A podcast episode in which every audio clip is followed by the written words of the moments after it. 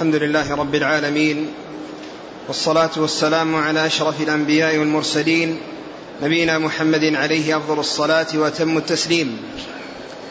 قال الحافظ ابن حجر العسقلاني رحمه الله تعالى قال باب المساجد. عن عائشة رضي الله عنها قالت أمر رسول الله صلى الله عليه وسلم ببناء المساجد. أمر رسول الله صلى الله عليه وسلم ببناء المساجد في الدور وأن تنظف وتطيب. رواه أحمد وأبو داود والترمذي وصحح إرساله. بسم الله الرحمن الرحيم. الحمد لله رب العالمين وصلى الله وسلم وبارك على عبده ورسوله نبينا محمد وعلى آله وأصحابه أجمعين. ما بعد يقول الحافظ بن حجر رحمه الله باب المساجد. المساجد جمع مسجد وهو يطلق إطلاقين إطلاقا عاما وإطلاقا خاصا. الإطلاق العام هو أن كل بقعة في الأرض فإنها محل للصلاة لقوله صلى الله عليه وسلم أعطيت خمسة لم يعطهن أحد من الأنبياء قبلي وصرت بالرعب مصير شهر وجعلت الأرض مسجدا وطهورا. فأيما رجل من أمتي أدركته الصلاة فعنده مسجده وطهوره. فالمقصود بالمسجد هنا أي بقعة في الأرض هي مكان للعبادة ومكان للصلاة. ما عدا ما استثني من أنه لا يكون محلا للصلاة لأمر يقتضي ذلك. والإطلاق الثاني الخاص هو المساجد المبنية التي تبنى للعبادة وتخص في العبادة وينادى منها للصلاة ويجتمع الناس لها ويصلون صلاة الجماعة فيها هذا هو الإطلاق الخاص. فإن إطلاقا عام كل الأرض مسجد وطهور. والإطلاق الخاص المساجد التي تبنى وتخص في العبادة وهي التي قال فيها الرسول عليه الصلاة والسلام أحب البلاد إلى الله مساجدها وأبغضها أسواقها وأبغضها إليه أسواقها. فالمساجد هي خير بقعة وخير الأراضي الأماكن التي تكون في في في في المدن والقرى. وإنما قيل للمساجد مساجد لأنها لأن الإنسان عندما يصلي يكون متمكنا من الأرض في أكثر أعضائه لأن الوجه الجبهة والأنف واليدين والركبتين وأطراف القدمين كل هذه تستعمل الأرض فيها. لأن حال السجود هي التي يكون تمكن من الأرض فيها. والمصلي له أحوال أربع لا خامس لها. فهو إما قائم قبل الركوع وبعده وإما راكع وإما ساجد وإما جالس بين السجدتين وفي التشهدين. هذه الأحوال الأربعة للمصلي التي لا خامس لها. وأطلق عليها مساجد لأن حال السجود هي التي يتمكن فيها من في الأرض أكثر من غيرها. لأن الإنسان إذا كان قائما ما فيه إلا رجليه في الأرض. وإذا كان راكعا ما فيه إلا رجليه في الأرض. وإذا كان جالسا يعني يديه ووجهه لا تتصل بالأرض. فإذا التمكن من الأرض في إنما هو في السجود ولهذا قيل لها مساجد. لم يقل لها مواقف نسبة للقيام ولا مراكع نسبة للركوع ولا مجالس نسبة للجلوس وإنما يقال لها مساجد نسبة للسجود. وإنما يقال لها مساجد نسبة للسجود. ثم ذكر الأحاديث التي تتعلق ب أو جملة من الأحاديث تتعلق بالمساجد. فأورد هذا الحديث عن عائشة رضي الله عنها أن النبي صلى الله عليه وسلم أمر ببناء المساجد في الدور وأن تبنى وأن وأن تطيب وأن وأن تنظف وتطيب. المراد بالدور الأحياء. الأحياء والقبائل. يعني القبائل التي تكون يعني لهم أماكن محل محلات معينة. وكذلك الأحياء والمحلات. هذه يعني أمر الرسول ببناء المساجد فيها. بأنها لا تخلو الأحياء من, من, من مساجد. فلا بد من وجود المساجد فيها. و وقد جاء في الحديث عن النبي صلى الله عليه وسلم أنه قال خير دور الأنصار خير دور الأنصار بنو النجار ثم بنو عبد الأشهل ثم بنو الحارث بن الخزرج ثم بنو ساعدة وفي دور الأنصار خير وفي كل دور الأنصار خير. المقصود بالدور المحلات التي فيها القبائل التي فيها القبائل لأن لأن في محلات لبني النجار ومحلات لبني عبد الأشهل ومحلات لبني آه، بني الحارث ومحلات لبني ساعدة. قد ثبت في الصحيح في الصحيحين عن النبي صلى الله عليه وسلم أنه قال خير دول الأنصار بنو النجار ثم بنو عبد الأشهل. ثم بنو الحارث بن الخزرج ثم بنو ساعدة وفي كل دور الأنصار خير. إذا هذا يبين لنا معنى الدور في قوله صلى الله عليه وسلم في قول عائشة أمر الرسول أن تبنى أن تبنى المساجد في الدور. أمر الرسول أن تبنى المساجد في الدور. ليس المقصود الدور اللي هو البيوت يبنون فيها مساجد. وإذا كان المسجد أو البيت يعني مكان يصلي فيه من أي مكان يصلي فيه؟ وإن اتخذ مكانا يصلي ما يحتاج إلى بناء. يعني جهة منها وجزء منه. لكن الذي جاء في الحديث أمر رسول الله صلى الله عليه وسلم ببناء المساجد في الدور المقصود بذلك الأحياء والمحلات. المحلة المحلات جمع محلة. هذه هي التي أمر بها الرسول صلى الله عليه وسلم أن, أن, أن, أن تبنى المساجد فيها. ثم مع كونها تبنى ويحرص على بنائها فإنها تطيب وتنظف وتطهر من الأدناس والأنجاس. يعني ما يكون فيها شيء من القدرات وإنما تكون نظيفة. يعني لا لا, لا تسلم من النجاسات ومن الأقدار والقذى الذي يكون فيها وإن لم يكن نجسا. المهم أنها تكون نظيفة. وكذلك تطيب تطيب يعني يجعل فيها الطيب. ولهذا يقال نعيم المجمر من من الرواة لأنه كان يجمر مسجد الرسول. يأتي بالجمر ويكون فيه الطيب. يعني في لمسجد الرسول صلى الله عليه وسلم. نعيم المجمر قال له. نسبة إلى كونه يعني يضع العود في الجمر ويبخر ويطيب مسجد الرسول صلى الله عليه وسلم. وأن تطيب وتنظف تكون نظيفة. لا قدر فيها ولا وسخ. والحديث صحيح. والترمذي قال إن إرساله لكن وصله صحيح ويعني وإضافته إلى النبي صلى الله عليه وسلم صحيح والمساجد آآ آآ الأمر بإيجادها وببنائها إنما هو من رسول الله عليه الصلاة والسلام وهو ثابت عنه. نعم. وعن أبي هريرة رضي الله عنه قال قال رسول الله صلى الله عليه وسلم قاتل الله اليهود اتخذوا قبور أنبيائهم مساجد متفق عليه وزاد مسلم والنصارى. ولهما من حديث عائشة رضي الله عنها كانوا إذا مات فيهم الرجل الصالح بنوا على قبره مسجدا وفيه أولئك شرار الخلق. ثم ذكر هذا الحديث عن أبي هريرة.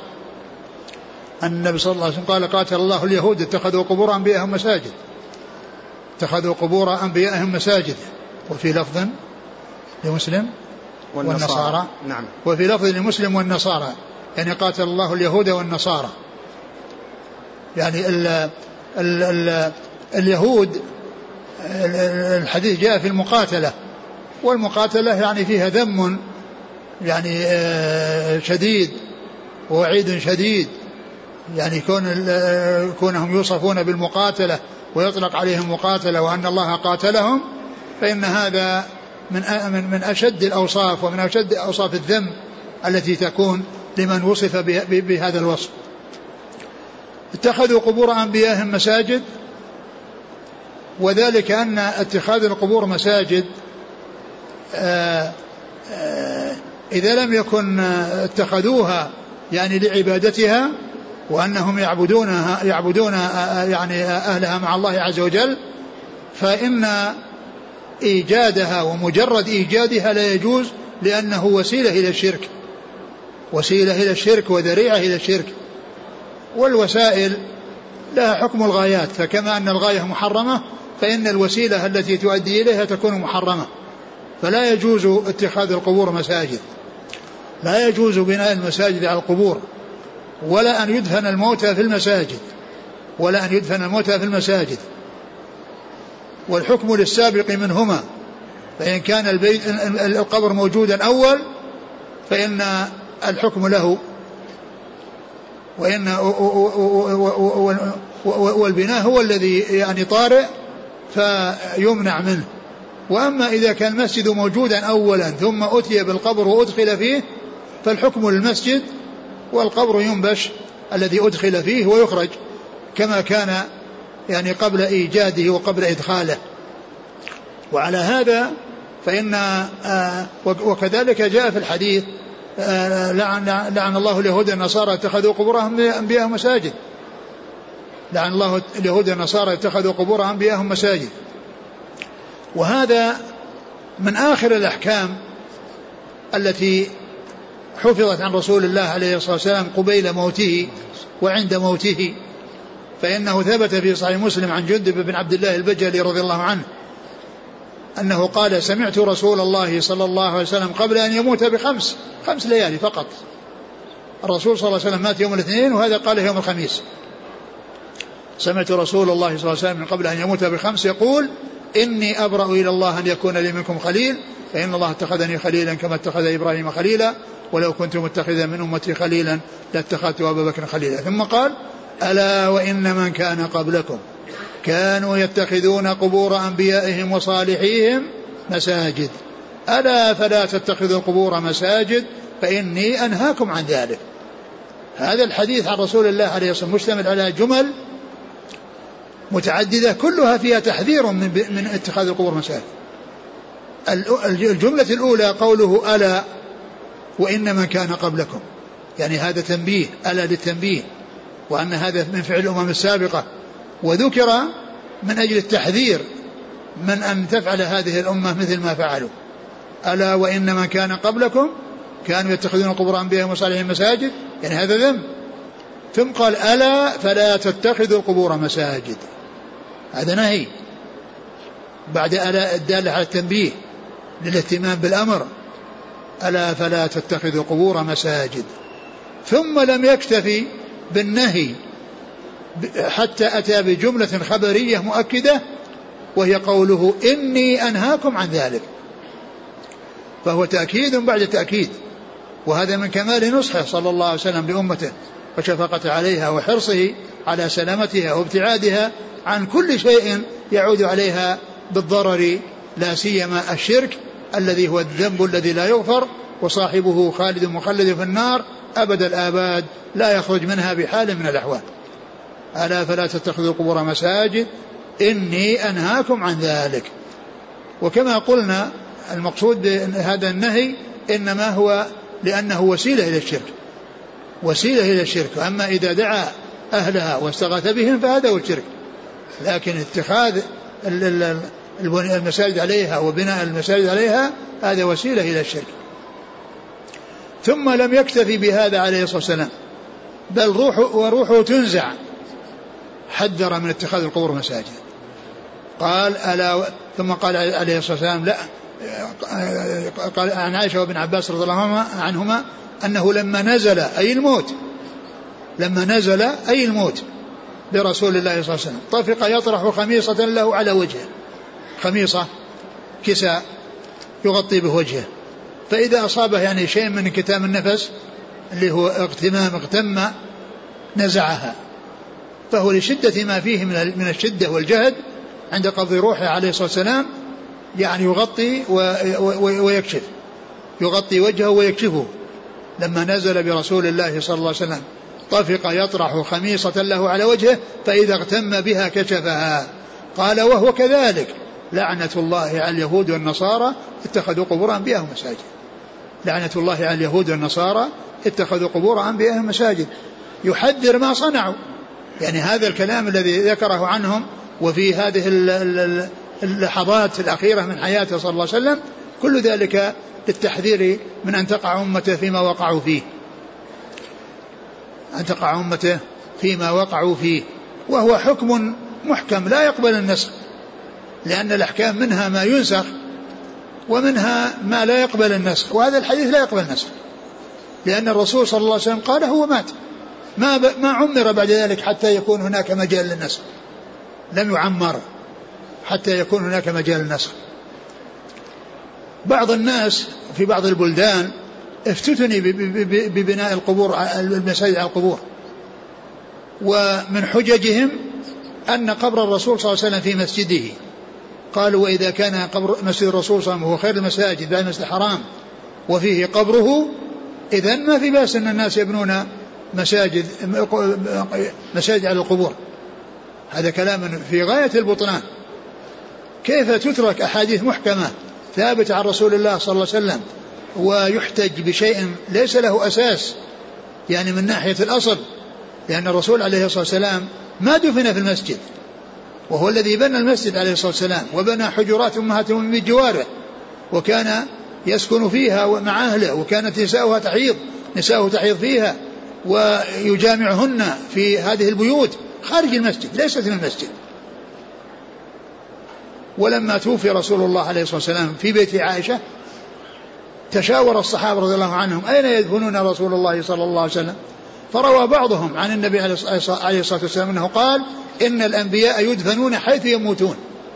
المكان الذي يموت فيه النبي يدفن فيه. أي نبي يموت في مكان يدفن في المكان الذي مات فيه. فدفنوه في بيت عائشة. ودفنوه خارج المسجد. ما دفنوه في المسجد؟ وبقي الأمر على ذلك في عهد الخلفاء الراشدين ثلاثين سنة وفي عهد معاوية عشرين سنة وفي عهد جزء من عهد بني أمية بعد ذلك والبيوت خارج المسجد. ثم إنه وسع المسجد في أثناء عهد بني أمية وأدخل القبر في داخل المسجد. فلا يجوز أن يحتج بعمل حصل من بني أمية في يعني بعد مدة طويلة من وفاته صلى الله عليه وسلم وتترك الأحاديث المحكمة الثابتة عن رسول الله صلى الله عليه وسلم. إذا لا يجوز لأحد أن يحتج بوجود قبره الآن في مسجده صلى الله عليه وسلم لأنها وجوده في مسجده ليس من فعله ولا من إرشاده ولا من فعل خلفاء الراشدين ولا من فعل الصحابة وإنما حصل في أثناء عهد بني أمية. فلا تترك الأحاديث المحكمة ويحتج بعمل حصل من بني أمية. ويحتج بعمل حصل من بني أمية. ثم إن هذا المسجد له فضيلته وله خصوصيته دخل القبر ولا ما دخل؟ الصلاة فيه بألف صلاة سواء دخل القبر أو ما دخل. لا يقال أنه لما دخل القبر يكون لحكم آخر لا الحكم هو هو. الحكم هو هو وهو أن الصلاة فيه بألف صلاة سواء دخل القبر أو ما دخل.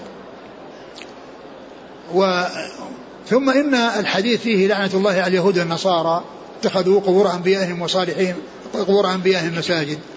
معلوم أن النصارى يعني نبيهم عيسى عليه الصلاة والسلام وهو الذي ليس بينه وبين رسول الله صلى الله عليه وسلم نبي ليس بينه وبينه رسول ومعلوم أن عيسى رفع إلى السماء وليس له قبر في الأرض الآن ليس له قبر. فكيف ما فإذا ما معنى قولهم اتخذوا قبور أنبيائهم مساجد والنصارى نبيهم هو آخر أنبياء بني إسرائيل وقد رفع إلى السماء وليس له قبر في الأرض؟ فكيف الجواب أجاب العلماء في هذا بأن عيسى عليه الصلاة والسلام رسول من رسل الله وأنزل عليه كتاب وهناك أنبياء وحواريون يقومون بالمهمات التي يقوم بها الرسول عليه الصلاة والسلام ولهذا جاء في الحديث اتخذوا قبور أنبيائهم وصالحيهم مساجد.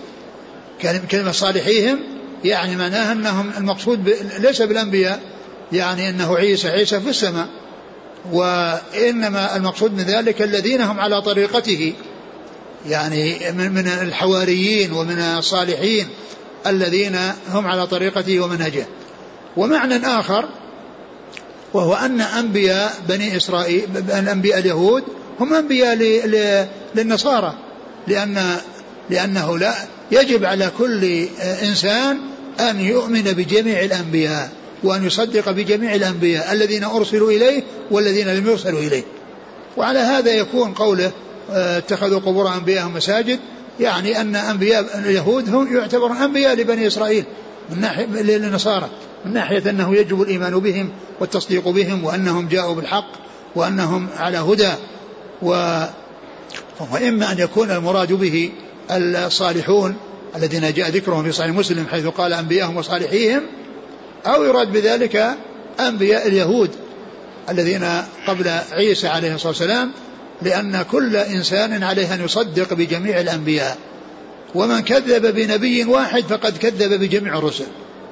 ولهذا قال الله عن نوح وهو أول الرسل لأهل الأرض بعد وجود الشرك قال كذبت قوم نوح المرسلين. وقال وقوم نوح لما كذبوا الرسل. فأطلق عليهم أنهم كذبوا الرسل وإنهم إنما كذبوا نبيهم الذي هو أول الرسل إلى أهل الأرض. أول الرسل إلى أهل الأرض بعد وجود الشرك. لأنه قبل قبل قبل نوح كان الناس على الفطرة وكان الأنبياء يأتون والناس على الفطرة. لكن لما وجد الشرك في الأرض أول رسول أرسل إلى أهل الأرض بعد وجود الشرك هو نوح عليه الصلاة والسلام. وقد قال الله عن أصحاب قومه كذبت قوم نوح المرسلين. وقوم نوح لما كذبوا الرسل. أتى بالجمع. لأن من كذب رسولا فقد كذب بجميع الرسل. نعم. وفيه أولئك شرار الخلق. نعم. وأنهم موصوفون بشر الخلق. يعني هؤلاء الذين يتخذون القبور مساجد ويغلون فيها ويعبدونها مع الله هم شرار الخلق عند الله. نعم. الاحتجاج بقبر عمر رضي الله بقبر أبي بكر وعمر. أيضا. أبو بكر وعمر جاءوا تبعا تبعا للرسول عليه الصلاة والسلام. ما دفنوا استقلالا وإنما دفنوا تبعا له. نعم. وعن أبي هريرة رضي الله عنه قال بعث النبي صلى الله عليه وسلم خيلا فجاءت برجل فربطوه بسارية من من سوار المسجد الحديث متفق عليه. ثم ذكر هذا الحديث أن النبي أن أنه أن خيلا أرسلت فأتت برجل من بني يعني من يقال له ثمامة بن أثال رضي الله تعالى عنه أسلم فأتوا به فربطه النبي صلى الله عليه وسلم أمرهم بيربطوه في سارية من سوار المسجد. سارية من سوار المسجد عمود من أعمدة المسجد. يشاهد الناس يصلون ويشاهدهم يدخلون ويخرجون فيؤثر ذلك في نفسه.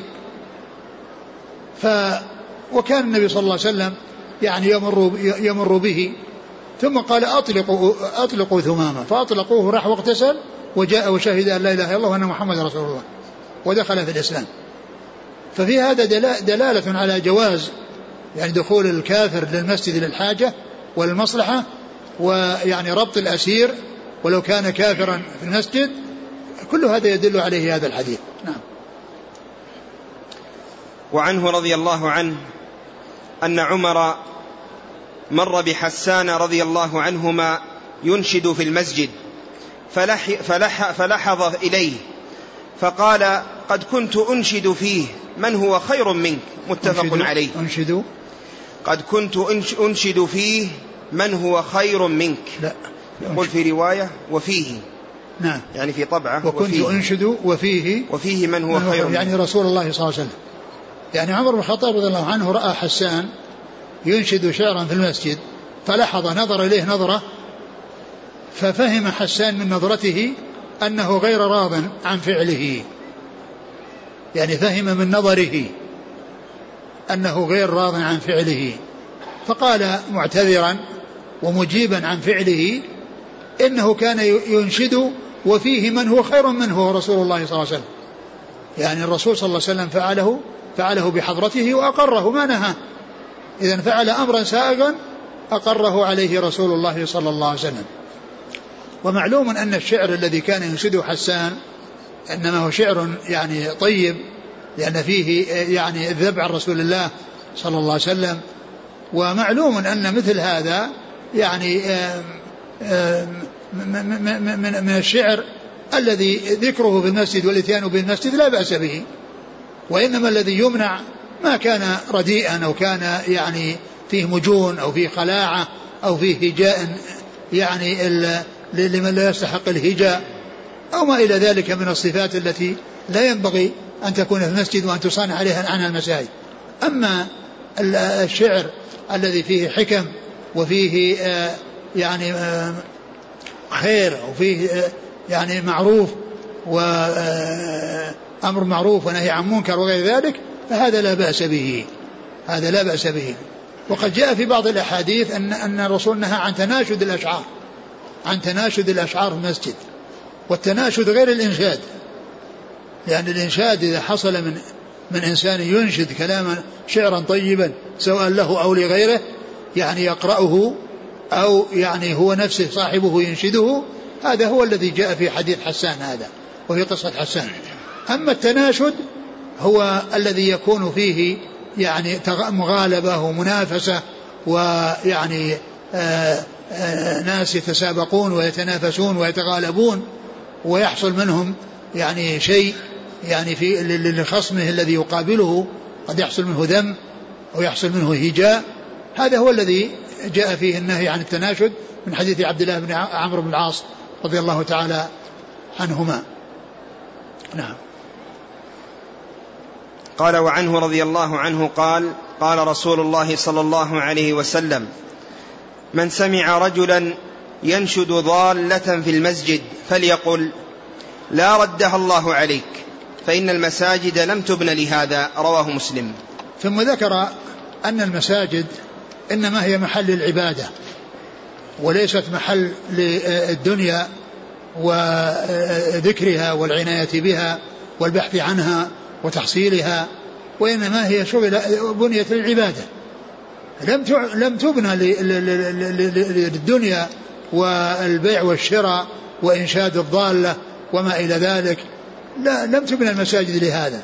ولهذا الرسول عليه الصلاة والسلام قال من سمع رجلا يعني ينشد ضالة فليقل لا ردها الله عليك. لا رد الله يعني دعاء عليه بأن لا يردها الله عليه لأنه فعل أمرا منكرا. لكن إذا أراد أن يسأل عنها يسأل عنها خارج الأبواب. أو يعني ينشد خارج الأبواب يقول من وجد لي كذا.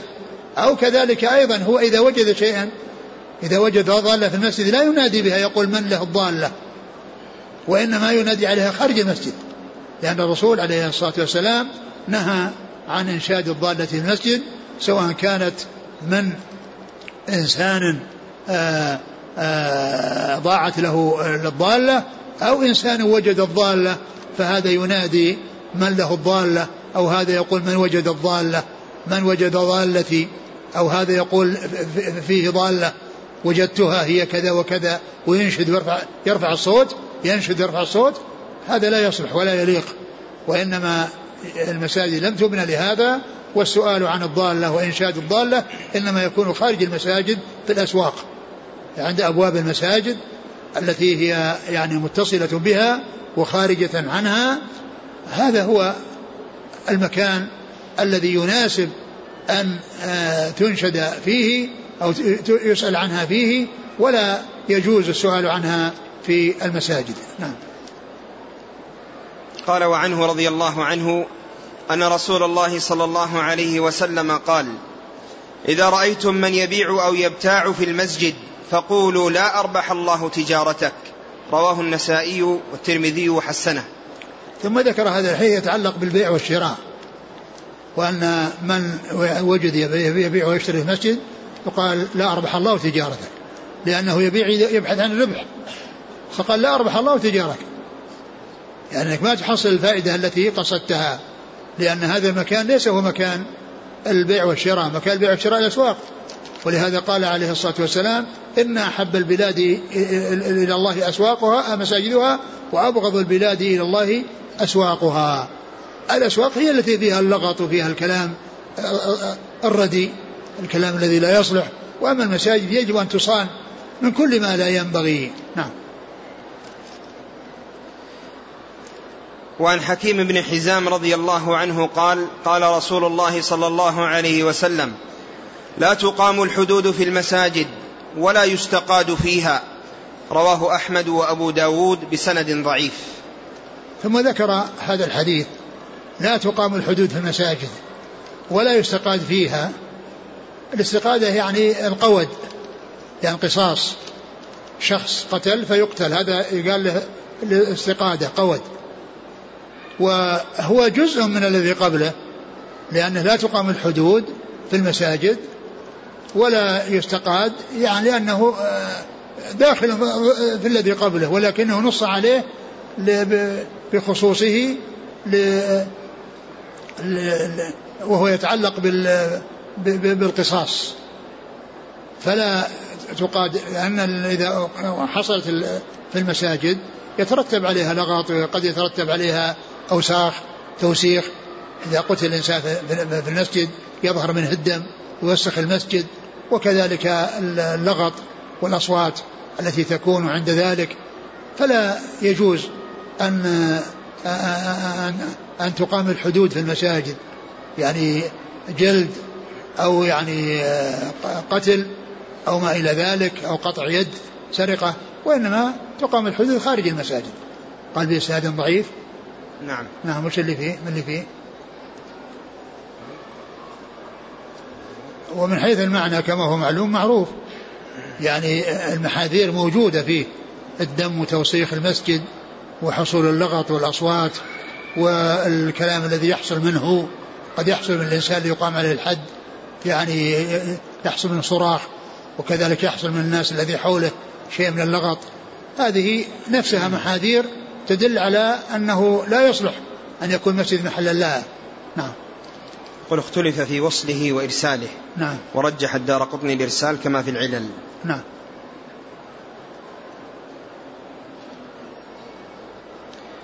وعن عائشة رضي الله عنها قالت أصيب سعد يوم الخندق فضرب عليه رسول الله صلى الله عليه وسلم خيمة في المسجد ليعوده من قريب متفق عليه.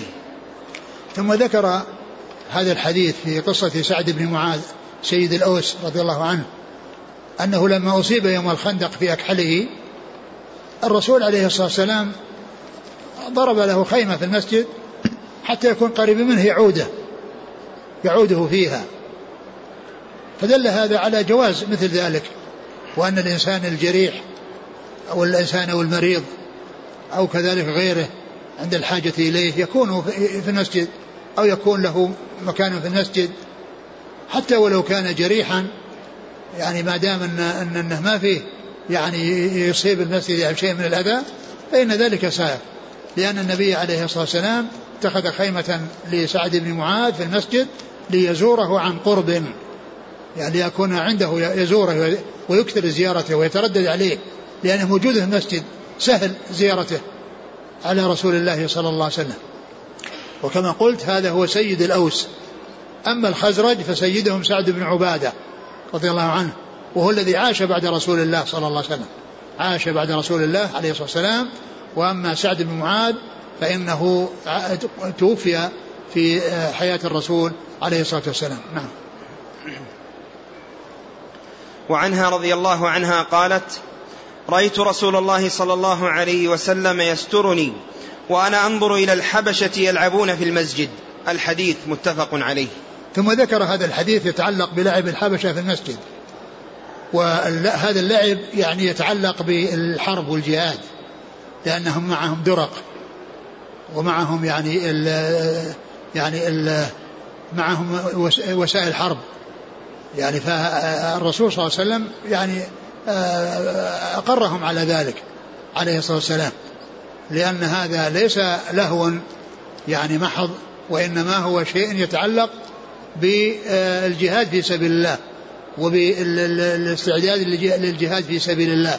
فأذن لهم رسول الله عليه الصلاة والسلام. وكانت عائشة عند باب حجرتها والرسول عليه الصلاة والسلام ينظر إليهم وهو وهي وراءه تنظر وهو ساتر لها بجسمه صلى الله عليه وسلم. وهذا فيه دليل على أن النظر إلى الرجال إذا كان يعني غير تحديد يعني النظر إلى وجوههم وأن أن يخصص الوجه أن أنه أن ذلك سائغ لأن كون المرأة ترى رجال من بعد يتحركون ويقفزون كذا لا بأس به وإنما محذور أن تنظر إلى وجه رجل وتخصص النظر إليه يعني وهذا هو الذي فيه الفتنة. وأما قضية تحركهم الناس يقفزون ويتحركون وهي تراهم من بعد ولا ترى يعني إلا أشخاصهم يعني يتحركون دون أن أن يكون كتحديد لنظر الوجوه هذا لا بأس به. نعم. وعنها رضي الله عنها أن وليدة سوداء كان لها خباء في المسجد فكانت تأتيني فتحدث عندي الحديث متفق عليه. ثم ذكر هذا الحديث في المرأة الوليدة يعني التي لها خباء يعني خباء يعني خباء صغير يعني تسكن فيه وتبقى فيه. وكانت تأتي إليها وتتحدث إليها ومحل شاهد أن لها خباء في المسجد. زمان سعد بن معاذ يعني كان له خيمة في المسجد ليزور الرسول صلى الله عليه وسلم. هذه لها خيمة يعني ليس لها مكان تسكن فيه فالرسول صلى الله عليه وسلم يعني يعني جعلها تسكن في هذا الخباء. وهذا يدل على أن مثل ذلك جائز عند الحاجة إليه.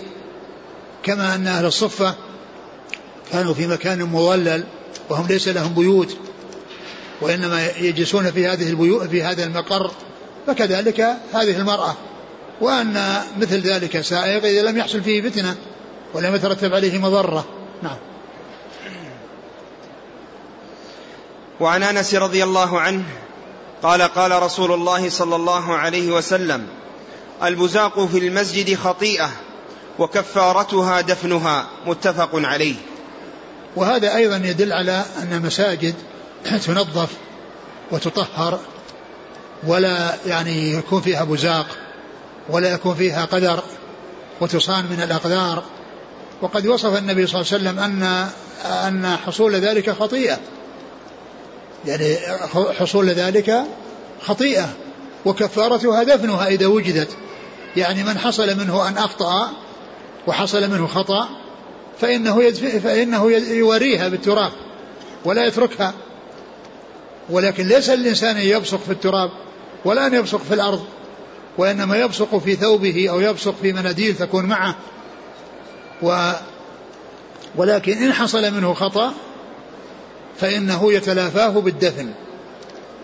وأما ما جاء في بعض الأحاديث التي سبق أن مرت وهو أن أن الإنسان لا إذا كان يصلي لا يبزق أمامه ولا يبزق عن عن يمينه وإنما عن يساره وتحت قدمه فإن هذا يحمل على أنه في غير المسجد.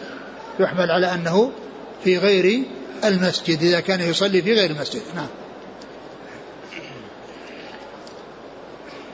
قال وعنه رضي الله عنه قال قال رسول الله صلى الله عليه وسلم لا تقوم الساعة حتى يتباهى الناس حتى يتباهى الناس في المساجد. أخرجه الخمسة إلا الترمذي وصححه ابن خزيمة. ثم ذكر هذا الحديث عن النبي صلى الله عليه وسلم يقول لا تقوم الساعة حتى يتباهى الناس في المساجد.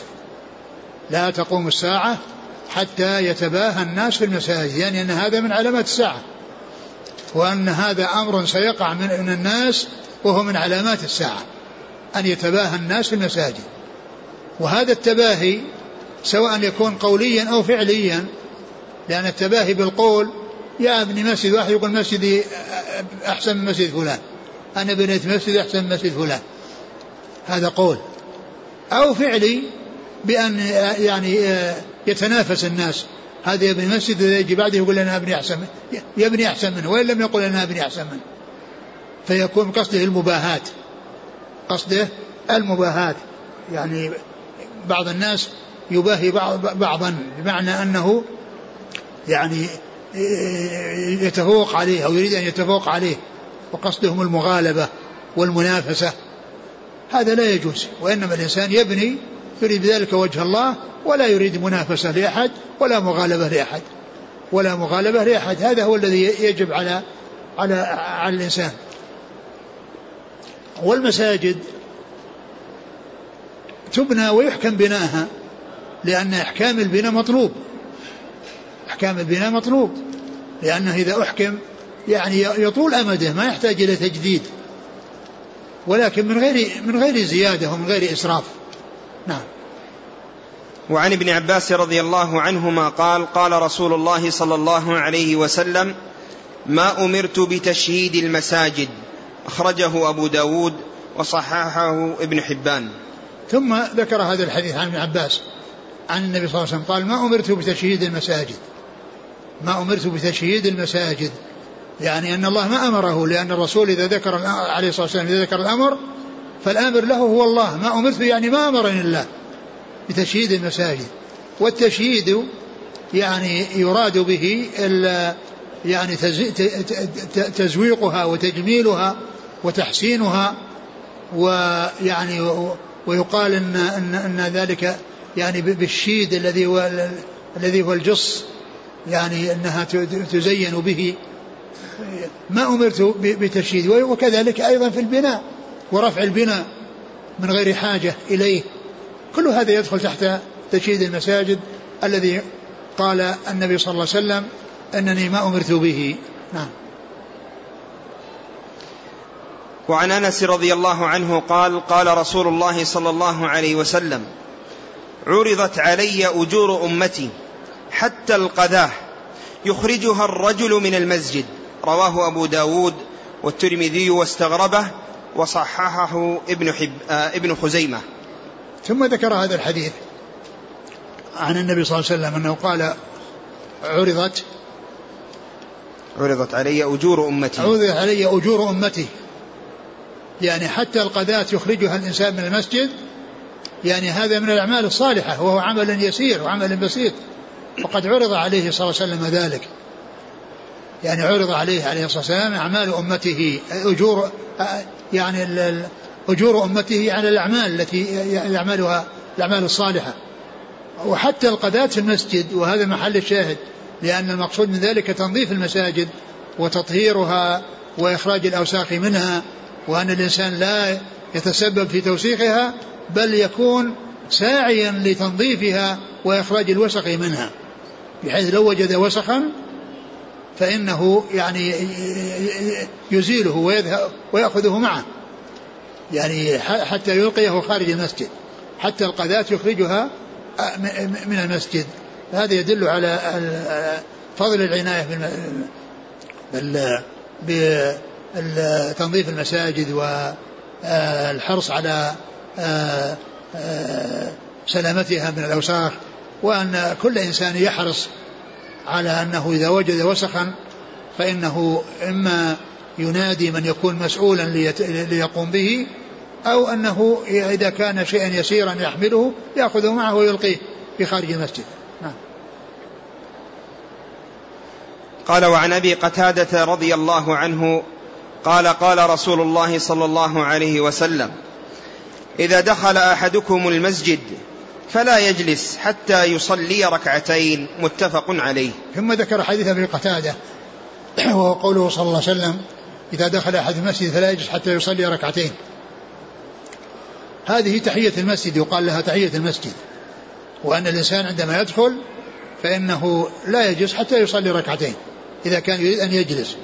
أما إذا دخل مارا أو أنه يعني ما ما في جلوس فإنه لا لا يصلي لا يلزمه أن يصلي لكن من أراد أن يجلس فهو يصلي قبل أن يجلس ركعتين.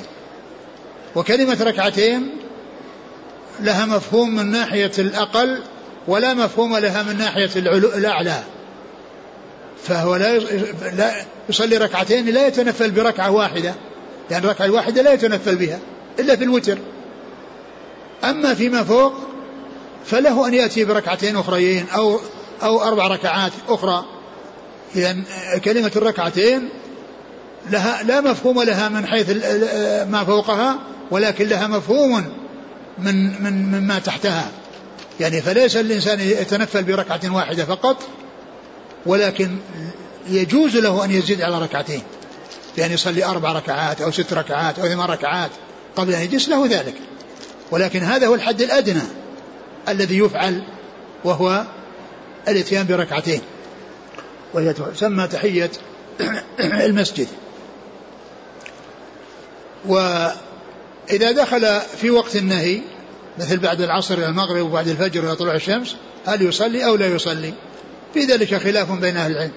منهم من أخذ بهذا الحديث وقال إنه من ذوات الأسباب وأن الإنسان يصلي إذا دخل المسجد ولو كان في هذين الوقتين.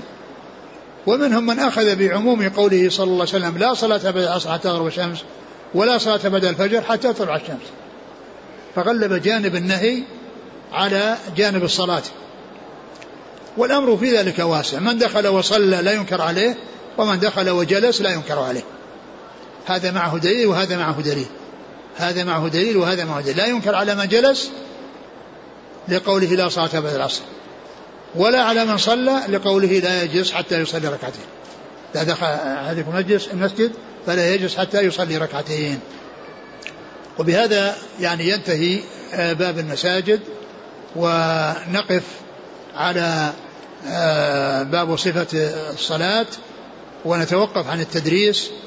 يعني على آه، يعني نقف على هذا الباب الذي هو باب صفة الصلاة. وهو طويل يشتمل على أحاديث كثيرة. و وإن شاء الله في رمضان بعد صلاة التراويح ندرس الأحاديث المتعلقة بالزكاة والصيام. والله تعالى أعلم وصلى الله وسلم وبارك على عبده ورسوله نبينا محمد وعلى آله وأصحابه أجمعين. أحسن الله إليكم وبارك فيكم ونفعنا الله بما قلتم وغفر الله لنا ولكم المسلمين أجمعين. وشافاكم الله. كثرت الأسئلة عن ساحات المسجد. هل لها حكم المسجد؟ نعم ساحات المسجد مسجد. في البيع والشراء. ساحات المسجد مسجد لا يجوز فيها البيع والشراء. لأن كل ما داخل ما كان داخل الأسوار والأبواب فهو مسجد وما كان خارج الأسوار والأبواب فإنه سوق شارع. لكن يستثنى مما هو داخل المسجد دورات المياه التي في الساحات. فإن الإنسان إذا دخل فيها يعتبر خارج المسجد. إذا دخل في الساحات في دورات المياه لقضاء الحاجة فيها هذه التي ينزل فيها يعني ليقضي حاجته لا يعتبر في المسجد وإنما خرج من المسجد. وإن كانت هذه في داخل المسجد لكن الإنسان إذا نزل فيها وخرج من الساحات نزل فيها فإنه يعتبر خرج من المسجد. وعليه إذا خرج أنه يعني يعني يصلي ركعتين لأنه يعتبر خرج دخل من غير المسجد. لأن لا يقال في المسجد وهو في ذروة المياه التي في الساحات. ولكن كل ما أحاطت به الأسوار والأبواب فإنه مسجد والصلاة فيه بألف صلاة.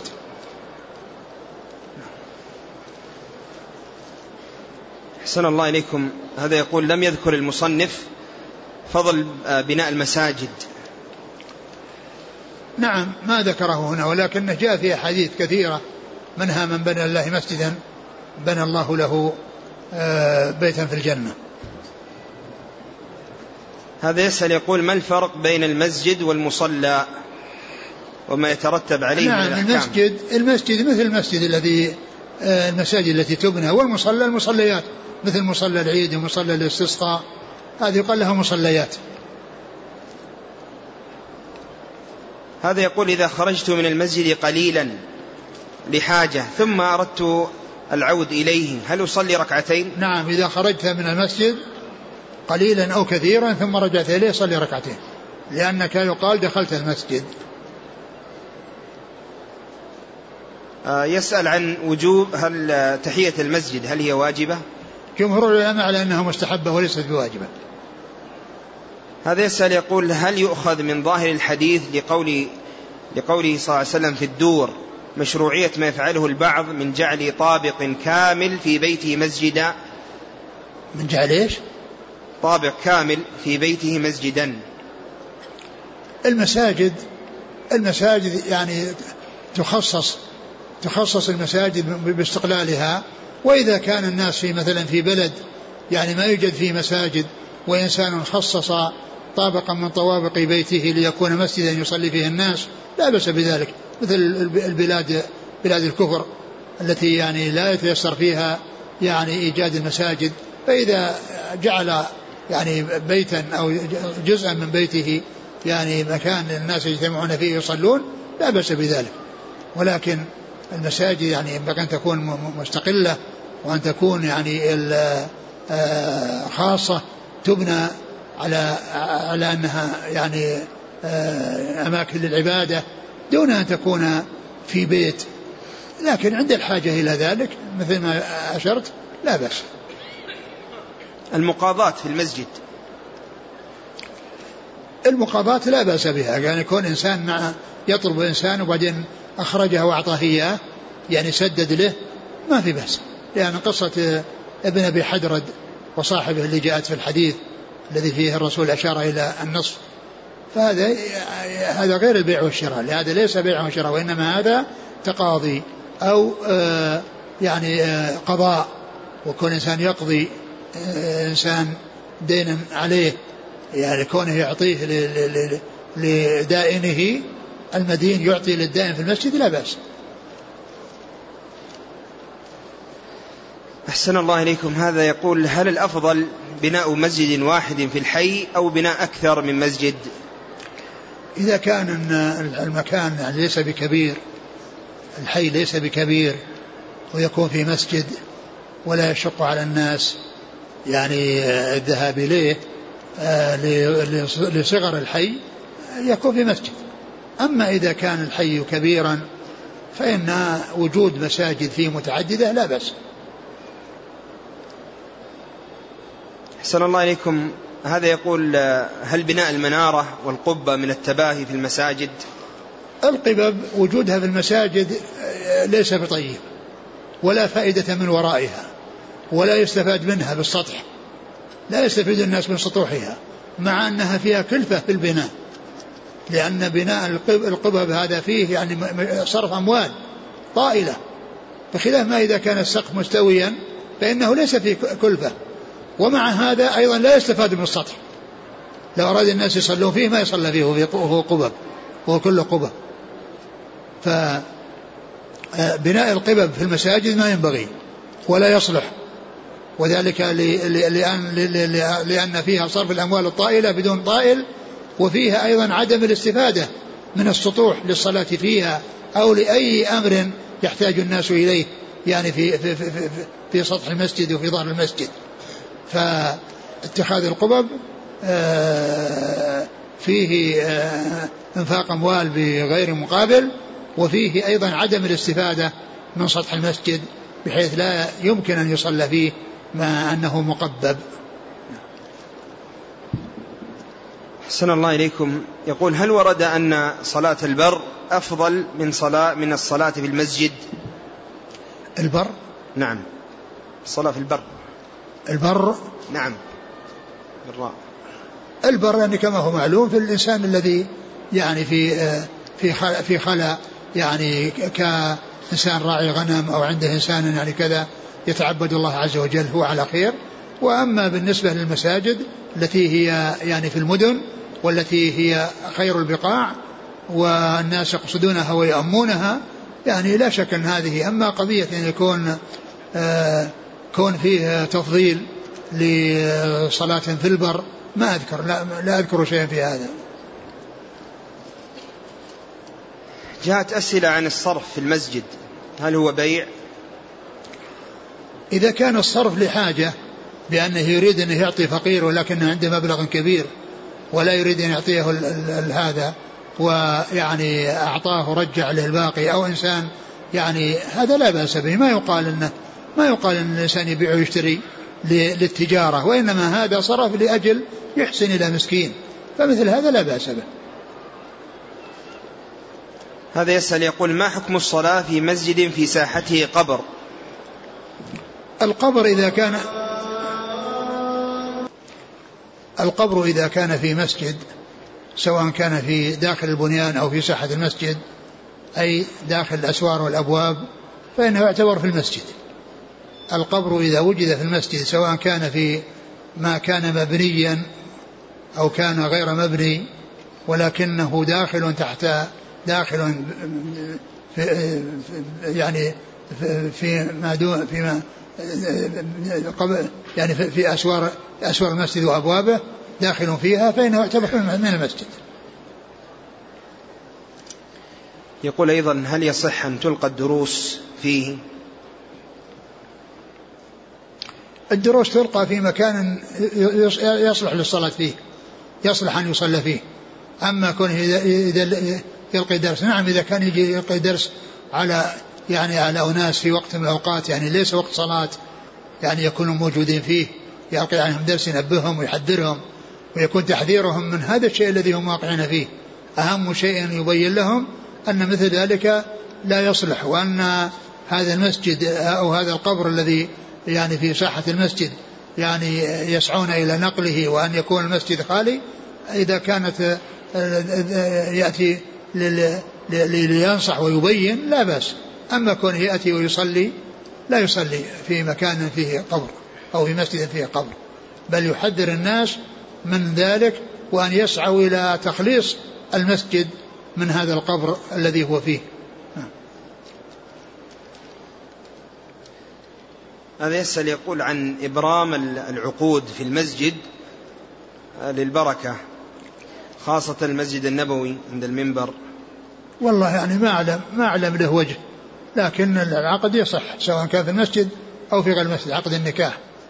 إذا عقد إذا كان مقصود عقد النكاح فإن آه، وجد في المسجد أو في غير المسجد فإنه العقد صحيح. لكن ما ينبغي أن أن أن الناس يأتون ويكون عقدهم عقودهم يأتون فيها المساجد. لأن هذا ما نعلم يعني شيء يدل على قصد المساجد لإبرام عقود الأنكحة فيها. كان يريد عقد التجارة. لا هذا لا يجوز. هذا يعني إبرام العقد هذا مثل مثل البيع والشراء هذا يسأل يقول عندنا في البلد النصارى يساعدوننا في بناء المساجد بالمال فما حكم ذلك؟ إذا كان المسلمين إذا كان المسلمون مكتفين بأموال المسلمين وأن يعني يعتذرون عنهم وأما إن كان آه، ما عندهم آه، شيء يعني يكفيهم وأعطوهم شيء لا بأس. مثل لو أعطوهم قطعة أرض يبنونها مسجد. لو أعطى لو أعطوا المسلمين قطعة أرض يبنونها مسجد ما في بأس.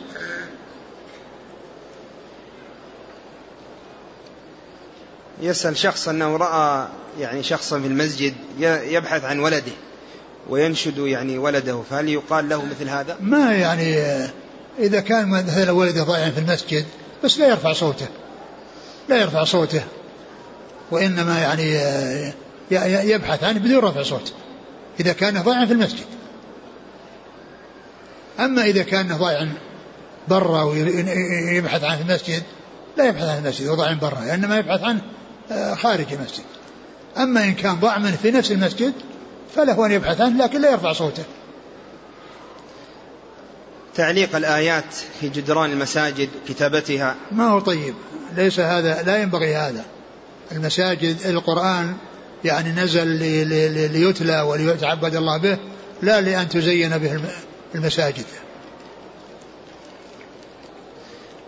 هل يقاس على هذا من طلب مالا أو المساعدة ورفع صوته بإنشاد الضالة لا مثل هذا إنسان فقير يعني وقف عند الناس وقال إنه محتاج هذا لا يقال إنشد ضالة وإنما هذا فقير يعني يعني هذا هذا هذه التجمعات وهذا يعني يطلب منهم حاجة لا بأس بذلك.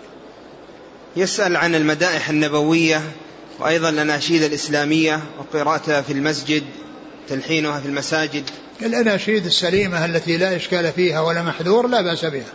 والشيء الذي فيه محذور أو فيه غلو أو فيه يعني آه ذم أو ما إلى ذلك لا ليس هذا محل المساجد. ليس هذا محله المساجد حديث الوليدة السوداء هل يستدل به على جواز مكوث الحائض في المسجد لا الحائض لا لا تمكث في المسجد ولا تبقى في المسجد وهذه لعلها يعني إنها ما هي كبيرة. نعم. ولكن آه، الحائض ليس لها أن تمكث في المسجد ولا تبقى في المسجد. لكن لها أن تمر في المسجد مرور. يسأل عن حكم إقامة الولائم للأعراس في المساجد. أبدا لا يصلح. لا يصلح أن تكون الولائم في المساجد للأعراس لأنه يكون فيها لغط وفيها كذا وإنما تكون في غير المساجد. أحسن الله إليكم.